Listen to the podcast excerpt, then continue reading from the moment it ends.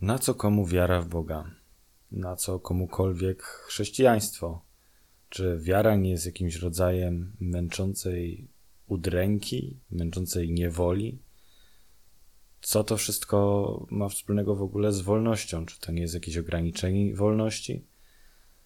I jak do tego wszystkiego ma się prawda o wniebowstąpieniu Jezusa? O tym wszystkim będę mówić w tym odcinku.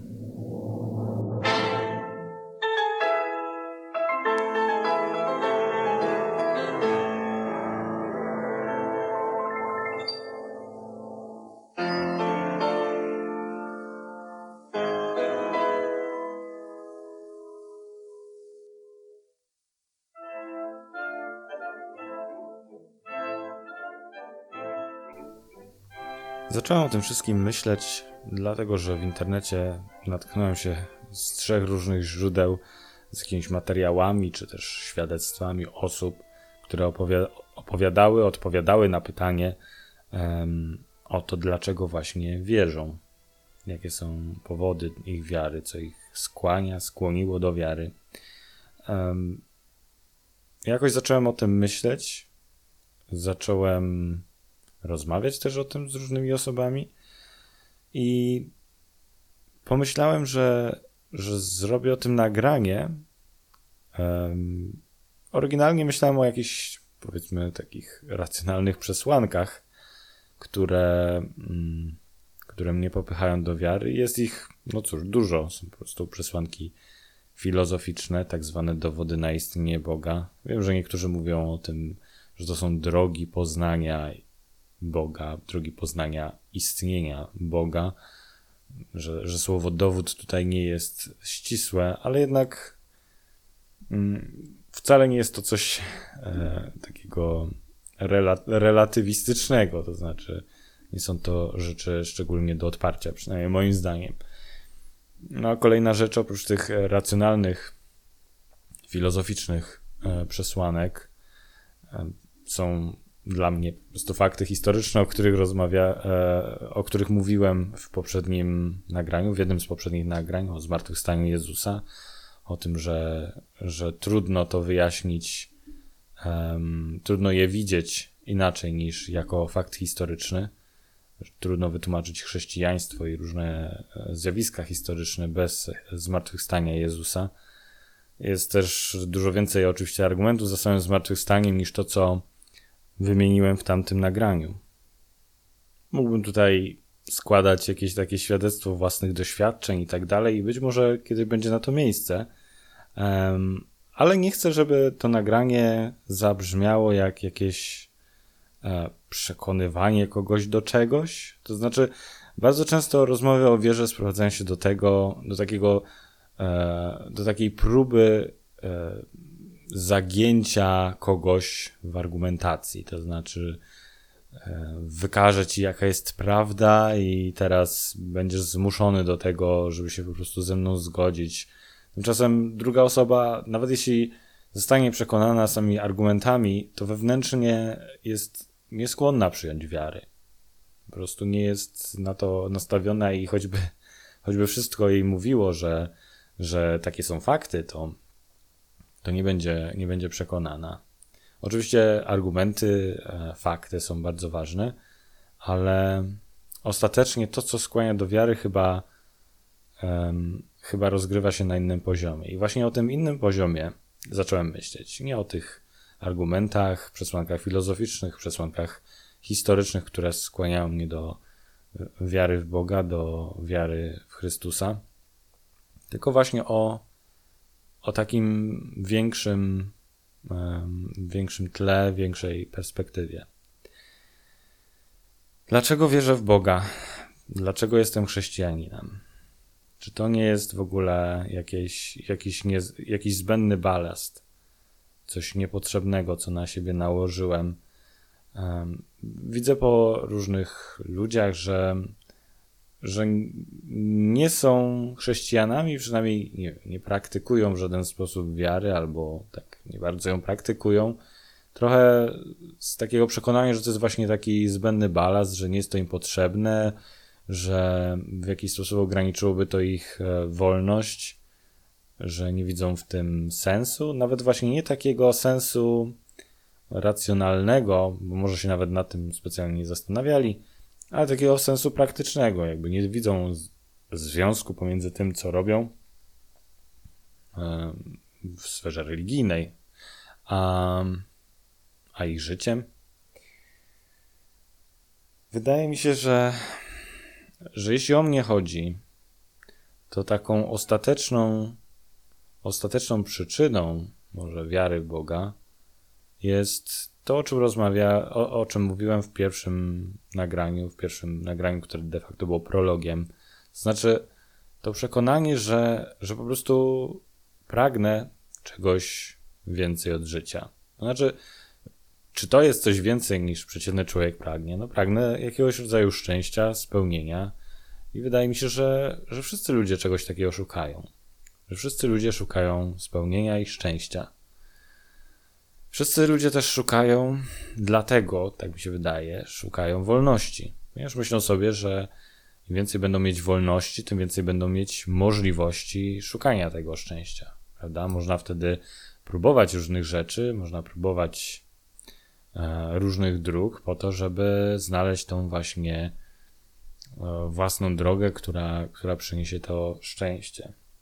Dlatego wiara, która z, góry wskazuje pewne, pewne drogi, wydaje się być właśnie ograniczeniem tej wolności.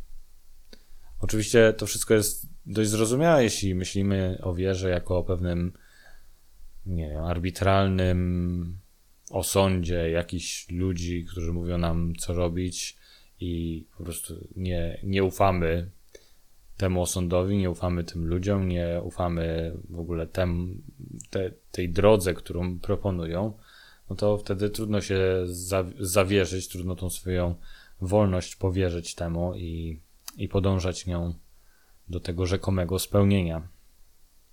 Ale ja patrzę na to całkiem inaczej. Oczywiście tutaj wchodzą w zakres tego pytania te kwestie historyczne, czy w ogóle chrześcijaństwo ma podstawy, uzasadnienia i tak dalej. Ale pomijając to, zakładając, że, że no, jedna rzecz to mnie po prostu przekonuje, druga rzecz jest taka, że myśląc o szczęściu i o wolności, po prostu zdaję sobie sprawę z tego, że jeśli chodzi o szczęście, to człowiek naprawdę nie jest powołany do małego szczęścia. Każdy wydaje mi się, że doświadczył tego w życiu, że, że doświadczył jakiegoś spełnienia, do którego być może dążył, i w momencie, kiedy go doświadczył, to okazało się, że nawet ono jest niewystarczające, że, że chce czegoś więcej, że chce czegoś innego, że to jakoś nie zaspokaja do końca, że jednak to nie jest do końca to, czym, czym się jawiło, czego oczekiwał. Więc okazuje się, że za każdym szczęściem jest kolejne szczęście, do którego chciałoby się zmierzać. Albo nawet jeśli, jeśli doświadcza się jakiegoś spełnienia, to ono jest nietrwałe, albo, mm, albo właśnie trwa krótko, albo jest niekompletne. Zawsze jest po prostu jakiś brak. Nie, nie da się tego szczęścia nawet zatrzymać.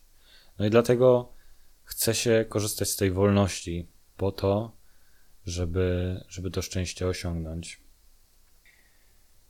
Z drugiej strony, tak naprawdę wcale nie chcemy być zupełnie wolni. Nawet nie chcemy, żeby inni ludzie byli zupełnie wolni, ale wydaje mi się, że nawet sami nie chcemy być zupełnie wolni. Po części dlatego, że chcemy być bezpieczni, to znaczy nie wszystkie nie wszystkie nasze decyzje, nie wszystkie nasze wybory przynoszą nam nie tylko spełnienie, ale też często nasze wybory przynoszą nam wręcz cierpienie, bo, bo nie wiemy, co jest dla nas dobre i robimy różne głupoty, popełniamy błędy, pakujemy się w tarapaty. Więc z tą wolnością, no oczywiście, może ktoś ma takie.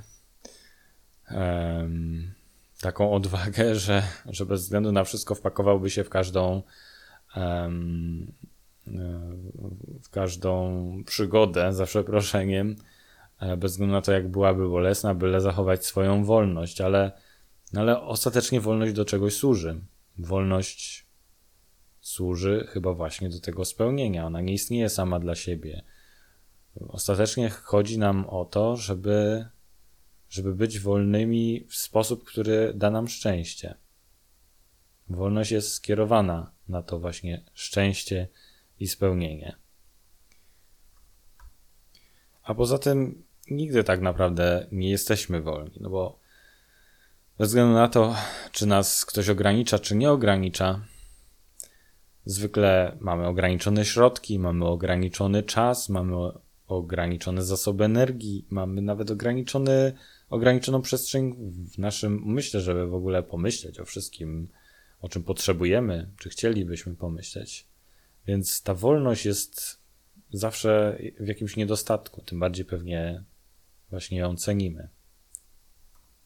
Zwłaszcza w naszych czasach można powiedzieć, że, że chcielibyśmy być właśnie absolutnie wolni. Zresztą te różne przejawy tego pragnienia są wokół nas bardzo widoczne, gdzie ludzie naprawdę już bardzo radykalnie chcieliby definiować swoje życie na swój sposób.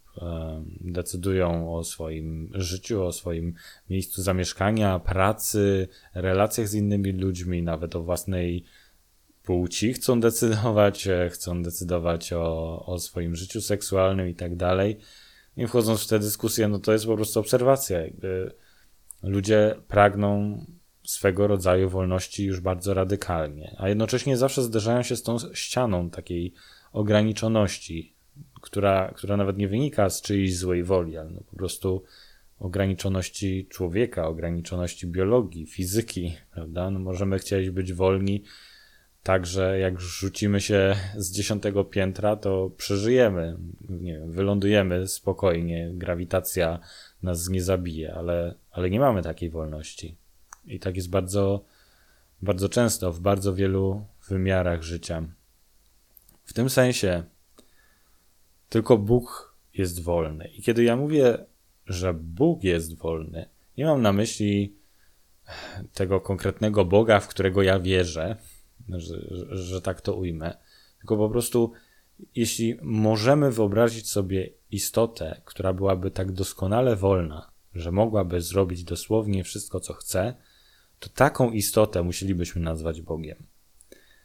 I jakoś wydaje mi się, że jeśli my ludzie mamy takie, takie pragnienie, takie wyobrażenie istoty tak wolnej, w sensie mamy wyobrażenie w ogóle wolności i i widzimy, że, że tej doskonałej wolności nie znajdujemy ani w sobie, ani wokół siebie, bo zawsze jest jakieś ograniczenie, to to jest jakaś taka intuicja, która nam pokazuje, że, że musi istnieć jakaś rzeczywistość, której to nasze pragnienie wolności jest jakimś odblaskiem. Jakaś rzeczywistość, która, która właśnie jest w ten sposób nieskrępowana, że jest rzeczywiście wolna, że co uczyni, że co chce, to uczyni. Tak, że jest właśnie w ten sposób wolna. Tylko znowu, tak jak mówiłem wcześniej, no ta wolność jest taka dziwna, bo, bo z jednej strony każdy wybór troszkę jakby ogranicza wybór, prawda? Jeśli wybierzemy jedną rzecz, to często zamyka się jedna z dróg. Um, nie, można, nie można być tak wolnym, żeby robić różne rzeczy naraz, jeśli, jeśli wiecie, co mam na myśli. Nawet Bóg w swojej wolności musi być w jakiś sposób konkretny. No i to, to filozofia i teologia mówią, że, że Bóg jest wolny, ale że jest dobry. To znaczy, wybiera w sposób wolny zawsze pewną określoną drogę. To znaczy, nie wybiera jednocześnie dobra i zła. Byłby, byłaby w ten sposób jakaś sprzeczność w nim. Nie mówiąc już o tym, że zło zawsze byłoby w jakiś sposób ograniczające. Tak? Stąd, stąd e, o, o złu mówimy nie tylko w sensie moralnym, że coś jest złe, niedobre, niegrzeczne, niesprawiedliwe i tak dalej, ale również o nieszczęście, prawda? Bo zło ma w sobie coś ograniczającego, jakąś szkodę. Więc Bóg jest dobry, jest wolny i związek między, między tą dobrocią, tym dobrem i wolnością jest tutaj ścisłe. Bóg jest dobry, dlatego że jest wolny. Nie ogranicza go żadne zło, tak jak nas, żadne żadne zło, ani, ani no właśnie, żadne ograniczenie, żadna skończoność. Dlatego może sobie pozwolić na bycie dobrym. A ponieważ jest dobry, jest wolny, bo dobro w jakiś sposób człowieka uzdalnia.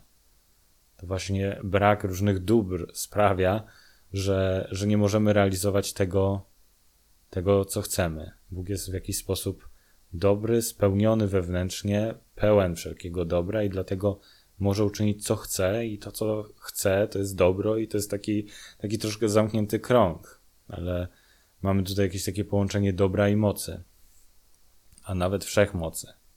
Z tym się tutaj ta wolność łączy. Więc kiedy sobie myślę o tym dobru i spełnieniu i szczęściu i wolności, to myślę sobie, że właśnie tego w życiu szukam. To znaczy nie tylko cząstkowego dobra, ale całego dobra. W ogóle takiego dobra, które, które się nie kończy. Takiego właśnie spełnienia, takiego szczęścia. I, I wiem, że po prostu sam w sobie, choćbym był doskonale wolny od nacisków, zobowiązań, gdybym nawet miał może wszystkie, wszystkie dobra mi potrzebne do tego, do takiego dobra bym nie był w stanie osiągnąć, chociażby dlatego, że wewnętrznie nie jestem dobry. To znaczy, zdaję sobie sprawę z moich własnych braków i wiem, że choćby, choćby miał wszelkie dobra, to, to niekoniecznie miałbym takie dobra wewnętrzne, jakieś zdolności, jakieś, um, jakieś cechy, które pozwoliłyby mi, by mi być szczęśliwym.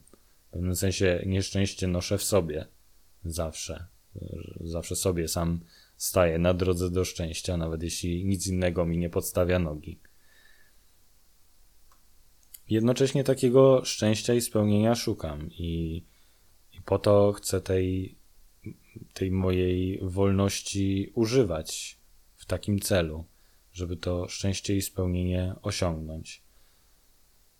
No i dlatego zaraz przy refleksji nad tym, przy refleksji nad w ogóle moim życiem, nad, nad tym, o co mi w ogóle w życiu chodzi i przy refleksji nad wiarą, no, przychodzi naturalnie na myśl Bóg, czyli ktoś, kto jest doskonale wolny, doskonale dobry, doskonale szczęśliwy, ktoś, kim można by powiedzieć, chciałbym być. W tym sensie można powiedzieć, że wszyscy chcielibyśmy być Bogiem, prawda? Wszyscy chcielibyśmy być do, dobrzy, w sensie wiem, cieszyć się dobrem, być szczęśliwi, spełnieni i jednocześnie doskonale wolni, bo jest też po prostu jakaś przyjemność w wolności, w, w, w zrobienia tego, co jest dobre, zapewnienia sobie dobra, zapewnienia może nawet innym dobra i szczęścia. Jest, jest w wolności pewne szczęście. Więc można powiedzieć, że nawet jeśli, nawet jeśli ktoś w Boga nie wierzy, kiedy pomyśli sobie o tych właśnie swoich pragnieniach, o dążeniu do szczęścia, o, o wolności, to można powiedzieć, że każdy z nas chciałby być takim Bogiem, nawet jeśli w Boga nie wierzy. Chciałby doświadczać tego rodzaju absolutnego spełnienia.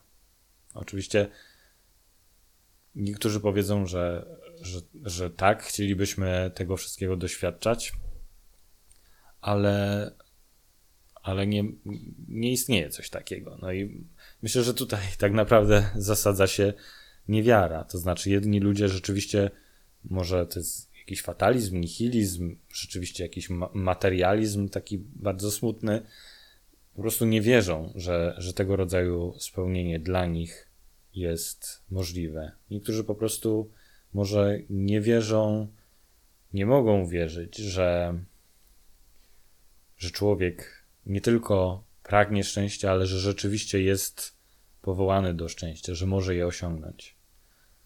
Z drugiej strony są ludzie, którzy wierzą w możliwość szczęścia, wierzą, że wolność istnieje dla szczęścia, ale no, szukają tego szczęścia i znajdują na przykład szczęście cząstkowe, albo, albo nie wiedzą tak naprawdę, gdzie tego szczęścia szukać, jak sobie je zapewnić.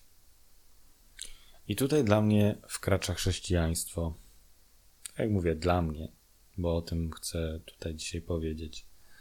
Wszyscy chcemy tego szczęścia i spełnienia. Wszyscy chcemy być wolni jak Bóg i szczęśliwi jak Bóg. I właśnie to chrześcijaństwo daje. Właśnie o tym, można powiedzieć, jest święto w niebo wstąpienia Chrystusa. Wbrew temu, co się mówi, wbrew temu, jak ludzie sobie to wyobrażają, Chrystus nie wstępuje do nieba jako Bóg. Zgodnie z teologią, Chrystus nigdy nieba jako Bóg nie opuścił, ponieważ jest Bogiem z Boga, prawdziwym Bogiem z Boga prawdziwego, pozostaje wszechobecny, no ale przede wszystkim pozostaje w niebie. Pozostaje po prawicy Ojca jako Syn Boży. Nigdy, nigdy nieba nie opuścił. Bóg nie zmienia miejsca, bo jest wszechobecny, prawda? Jest właśnie nieograniczony, jest wolny, jak, jak tutaj mówiłem. Więc kiedy Chrystus wstępuje do nieba, to wstępuje jako człowiek. To jest obraz człowieka doskonale spełnionego. To jest obraz człowieka, który dostępuje ostatecznego spełnienia, który rzeczywiście jest Bogiem, który rzeczywiście jest przebóstwiony, który rzeczywiście jest wolny, którego już nic nie ogranicza, który osiągnął ostateczne spełnienie, ostateczne dobro. Obraz w niebo wstąpienia Jezusa to właśnie obraz spełnionego człowieka, obraz prawdziwej wolności. I o tym jest właśnie dla mnie chrześcijaństwo. To znaczy, jest to droga do ostatecznego spełnienia i nie tylko ostatecznego, ale wiecznego, nie, niekończącego się spełnienia, niekończącego się dobra i szczęścia i, i, i to szczęścia w doskonałej harmonii z wolnością, z tą taką swobodą, którą daje wolność, swobodą, która, e, która jest, e, jest elementem też pewnego szczęścia. Więc Chrystus i jego wniebowstąpienie to jest obraz właśnie wolności i spełnienia. To nie jest jakaś um, jakiś element takiej ciemiężącej religii. W ogóle, w ogóle wiara służy spełnieniu i wyzwoleniu. Tak właśnie to widzę. Tylko właśnie problem jest taki, że, że jak zaczynamy osiągać, jak, jak zaczynamy chcieć osiągnąć jakiekolwiek spełnienie, jakiekolwiek szczęście, napotykamy trudności.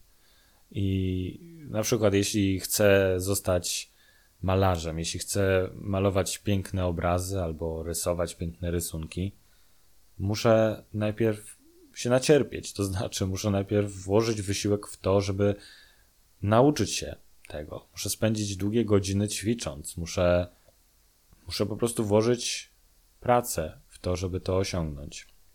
I można powiedzieć, że na początku nie jestem wolny do tego, żeby pięknie malować.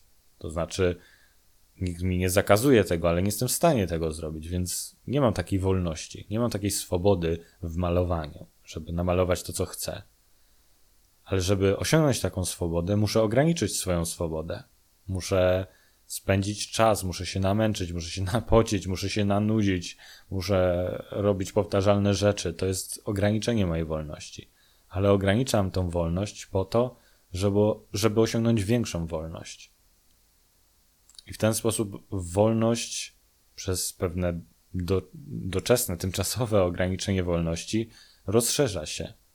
I powstrzymanie się od pewnych mniejszych dóbr, jak na przykład właśnie wygoda, lenistwo, e, rozrywka, po to, żeby, żeby ćwiczyć, uzdalniam je do osiągnięcia jeszcze wyższych dóbr.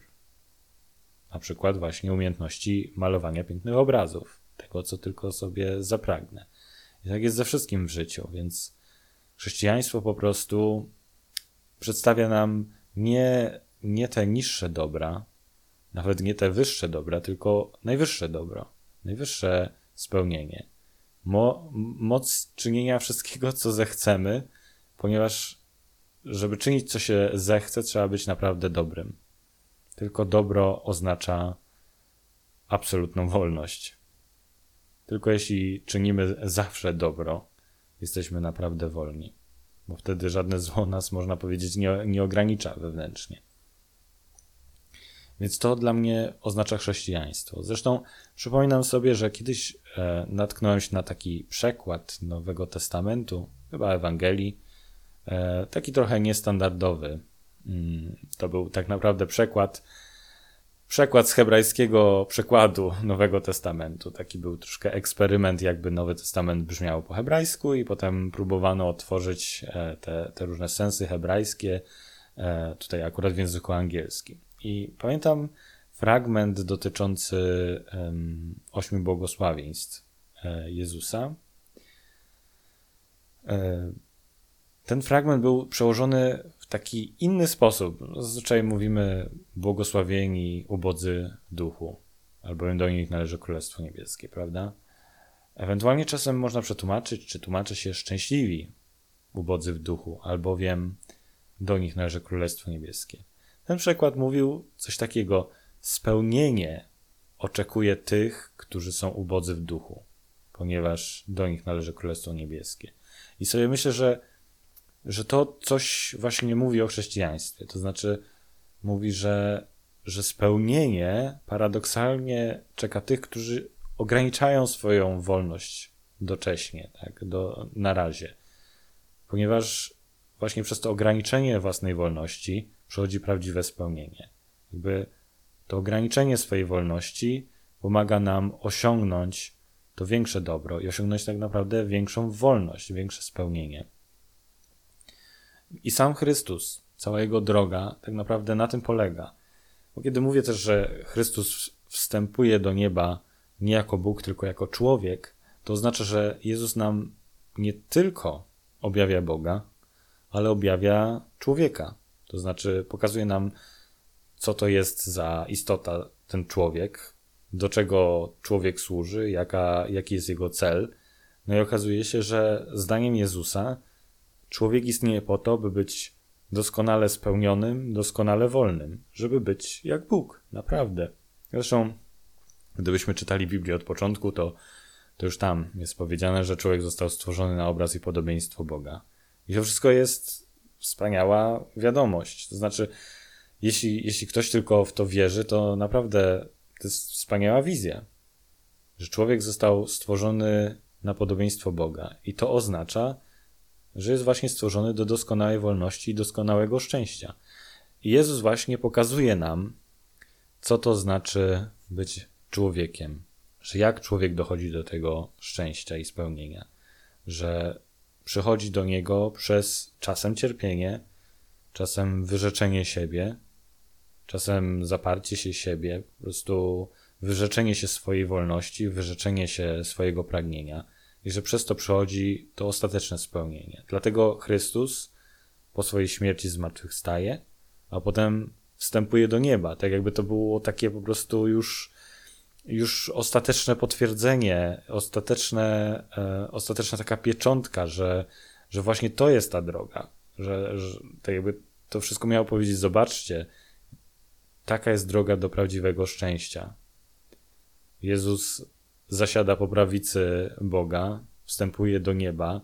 To jest po prostu znany w starożytności obraz um, deifikacji, przebóstwienia, tak, prawda? No, ktoś wstępuje do nieba, no to musi być Bogiem. E, ale to jest właśnie człowiek, który wstępuje do nieba. I to człowiek, który został niesłusznie oskarżony, niesłusznie zabity, w ogóle odrzucony, potępiony i tak dalej. Człowiek, który dobrowolnie przyjął to wszystko na siebie. Więc taka jest droga przed człowiekiem, która, która wiedzie do spełnienia. Ale oczywiście Chrystus nie tylko pokazuje, kim jest człowiek, jaki jest jego cel, jaka jest jego droga, ale w tym wszystkim pokazuje nam też, co to znaczy być naprawdę Bogiem. Prawda? Bo sobie myślimy, no, chciałbym być jak Bóg, chciałbym być taki wolny, chciałbym być szczęśliwy. Więc kiedy Bóg rzeczywiście przychodzi na ziemię, możemy zobaczyć, co to znaczy być Bogiem. I okazuje się, że, że być Bogiem to być takim człowiekiem jak Jezus. To znaczy osobą o, o takiej miłości, o takiej wierze, o takiej nadziei, o takim, o takim duchu, o takim postępowaniu, o takim oddaniu. że być Bogiem to jest właśnie oddać siebie, zaprzeć się siebie, nie, nie zważać na siebie, um, zrobić wszystko z miłości, od, od, e, odłożyć jakieś um, tymczasowe dobra dla jakiegoś większego dobra. Że być Bogiem to, to nie jest zrobić co się chce, tylko zrobić to, co jest dobre bez względu na koszt. I że tylko w ten sposób przychodzi prawdziwe spełnienie. Więc właśnie w Jezusie i to, czym jest człowiek, do czego zmierza, jaki jest jego cel, jak go osiąga, i to, kim jest Bóg, się objawia.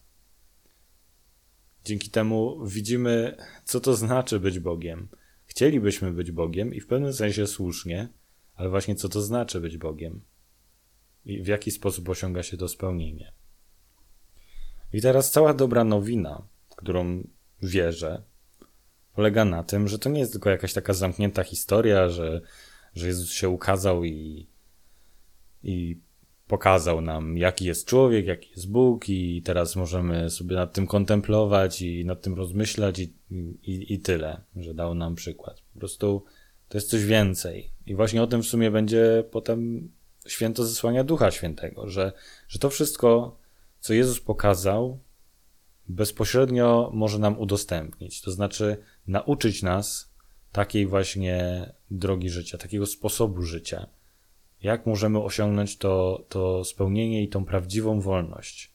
Być wolni od własnych ograniczeń, od własnego zła, od, e, od e, własnej małostkowości, bo czasami okazuje się, że, że pragniemy rzeczy, ale pragniemy za małych rzeczy. To znaczy, że jesteśmy warci więcej, że w ogóle powinniśmy chcieć więcej. Powinniśmy chcieć więcej i też w związku z tym wymagać od siebie więcej. I właśnie w zesłaniu Ducha Świętego, Duch Święty, czyli Duch samego Chrystusa, mieszka w nas i uzdalnia nas do podjęcia takiej drogi jak Jezus. Żebyśmy mogli stać się Bogiem. No bo cóż innego oznacza to, że jesteśmy synami Bożymi. Bożymi to, co, to, co e, Nowy Testament tak często powtarza. Że błogosławieni, którzy wprowadzają pokój, albowiem będą nazwani synami Bożymi. Tak? To oznacza, że ludzie, którzy wprowadzają pokój, są na drodze do bycia wolnymi i szczęśliwymi jak Bóg.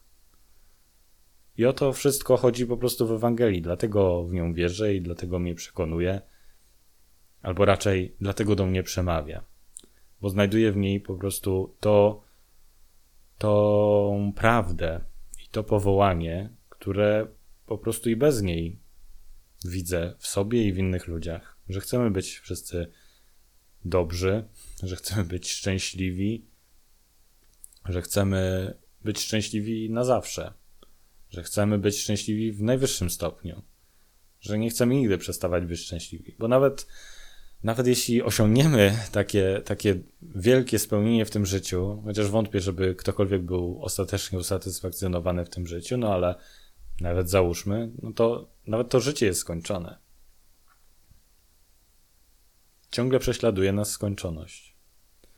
I tylko właśnie w, będąc kimś jak Bóg możemy osiągnąć tą nieskończoność. Więc Jezus tą nieskończoność przynosi i pokazuje, jak to jest, kiedy kiedy człowiek jest Bogiem, można tak powiedzieć. I właśnie w Jezusie my tym Bogiem, tymi synami Bożymi możemy zostać. I dlatego potrzebuję Boga, bo sam nie jestem Bogiem, a chciałbym się stać Bogiem. Dlatego potrzebuję chrześcijaństwa, bo ono rzeczywiście w historii ukazuje, jak to działa, jak to się staje. O tym jest właśnie Ewangelia. O tym właśnie naucza Jezus i to właśnie Jezus pokazuje. Dlatego zachęcam Was do, do zastanowienia się nad tym w ten sposób. Zachęcam Was do myślenia nad tym, czego w życiu szukacie, czego pragniecie, czy pragniecie dostatecznie dużych rzeczy, naprawdę godnych tego, kim jesteście, jako, jako ludzie stworzeni na obraz i podobieństwo Boga czy jesteście w stanie to osiągnąć?